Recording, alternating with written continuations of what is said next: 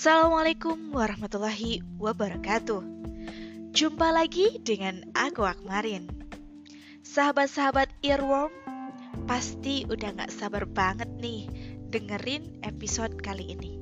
Karena pada episode kali ini kita akan sedikit berbeda dari episode-episode sebelumnya. Pada episode-episode sebelumnya kita lebih fokus pada pembahasan pendekatan apa saja sih yang bisa kita gunakan dalam penelitian kualitatif Ya, seperti ada studi kasus, grounded teori, etnografi, fenomenologi, dan lain sebagainya. Untuk kali ini, kita akan membahas mengenai komponen-komponen baku yang ada dalam penulisan penelitian kualitatif. Langsung saja, yuk kita simak materinya.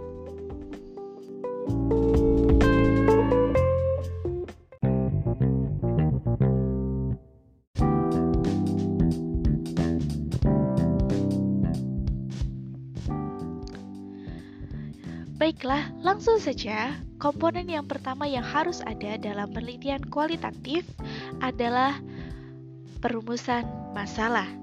Kenapa harus perumusan masalah? Karena dalam perumusan masalah ini nantinya sang peneliti menjadi tahu apa yang harus dia cari dalam penelitian tersebut.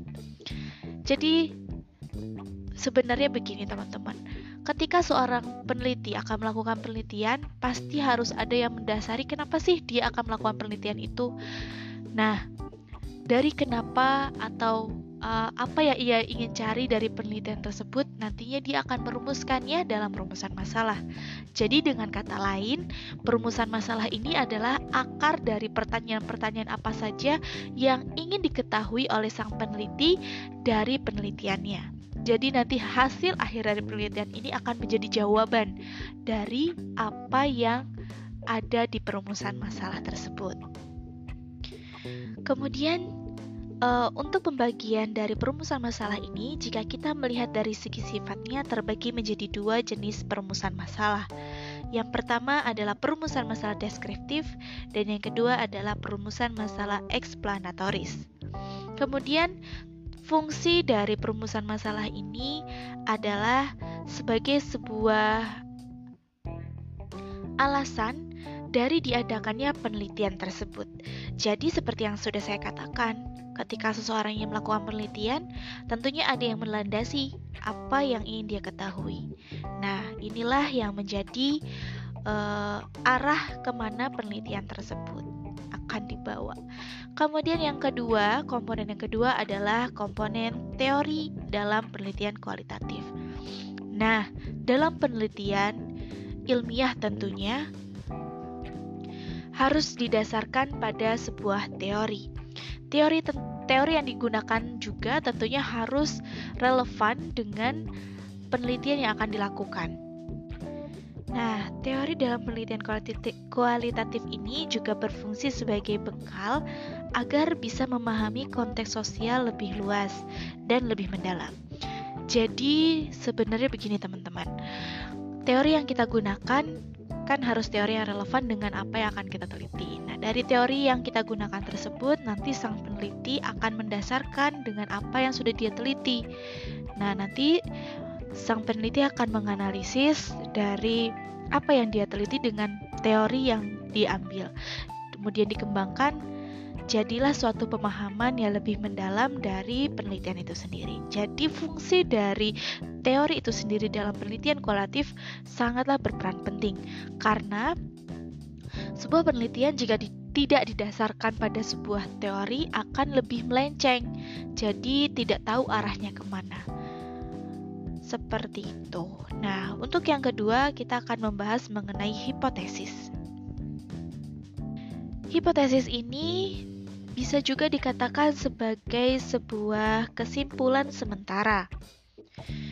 Kemudian ada kriteria penyusunan hipotesis. Nah, dalam penyusunan hipotesis itu, yang pertama, hipotesis itu harus menyatakan dua variabel atau lebih. Dan yang kedua, variabel dalam hipotesis itu harus jelas secara konseptual. Tentunya kalau dia jelas secara konseptual, hipotesis ini harus uh, spesifik.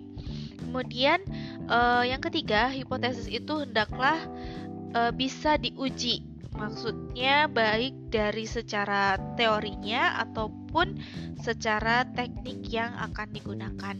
Kemudian yang keempat, hipotesis ini harus bersumber atau dapat dihubungkan dengan teori yang dipilih oleh sang peneliti. Kemudian eh, hipotesis ini hendaklah dirumuskan dalam bentuk pertanyaan pernyataan yang sederhana dan operasional. Kemudian ada jenis-jenis dari hipotesis. Jenis hipotesis yang pertama adalah hipotesis penelitian. Nah, fungsi dari hipotesis penelitian ini adalah memberikan jawaban sementara terhadap rumusan masalah. Kemudian yang kedua ada hipotesis statistika. Nah, hipotesis ini digunakan jika peneliti melakukan uji analisa dengan hanya menggunakan sebagian dari keseluruhan data yang ada.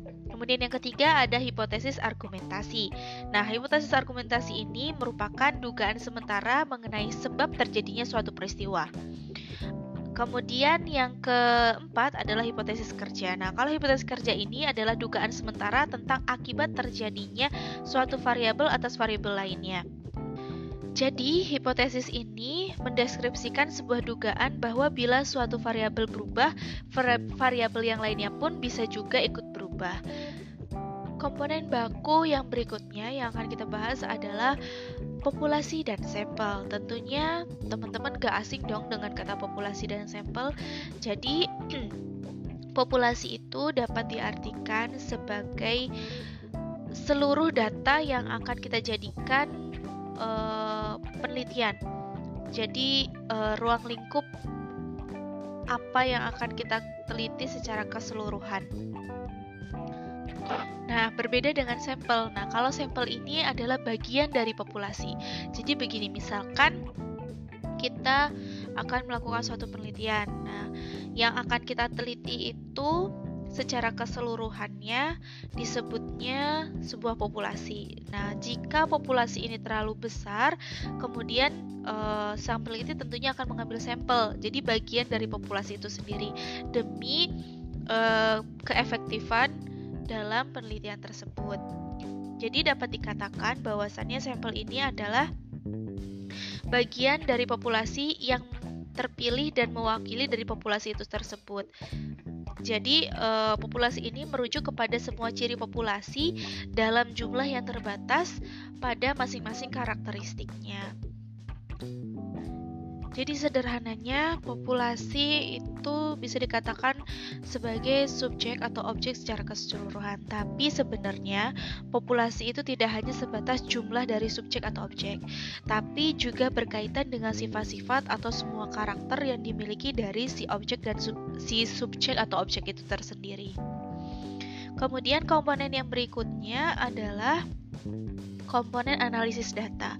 Nah, ketika dalam penelitian itu kita sudah merumuskan masalah, kemudian sudah menentukan teori apa yang akan digunakan, kemudian sudah menentukan hipotesis, dan sudah menentukan populasi atau sampel yang akan kita gunakan, tentunya berarti data yang akan dikumpulkan uh, bisa sudah terkumpul. Nah, nanti dari data yang sudah terkumpul dalam penelitian itu, sang peneliti akan melakukan analisis dari data tersebut. Jadi analisis itu bisa dikatakan sebagai suatu proses penguraian atau pemecahan e, permasalahan. Yang kemudian setelah dianalisis itu nanti akan membentuk sebuah kesimpulan akhir yang dapat dipahami atau yang bisa kita katakan sebagai sebuah hasil dari penelitian itu sendiri. Sekian teman-teman pembahasan dari aku. Mudah-mudahan pembahasan kali ini dapat dipahami dan uh, membantu teman-teman dalam pemahaman materi yang ada. Mohon maaf jika ada kata uh, salah kata dan kekurangan. Sekian, wassalamualaikum warahmatullahi wabarakatuh.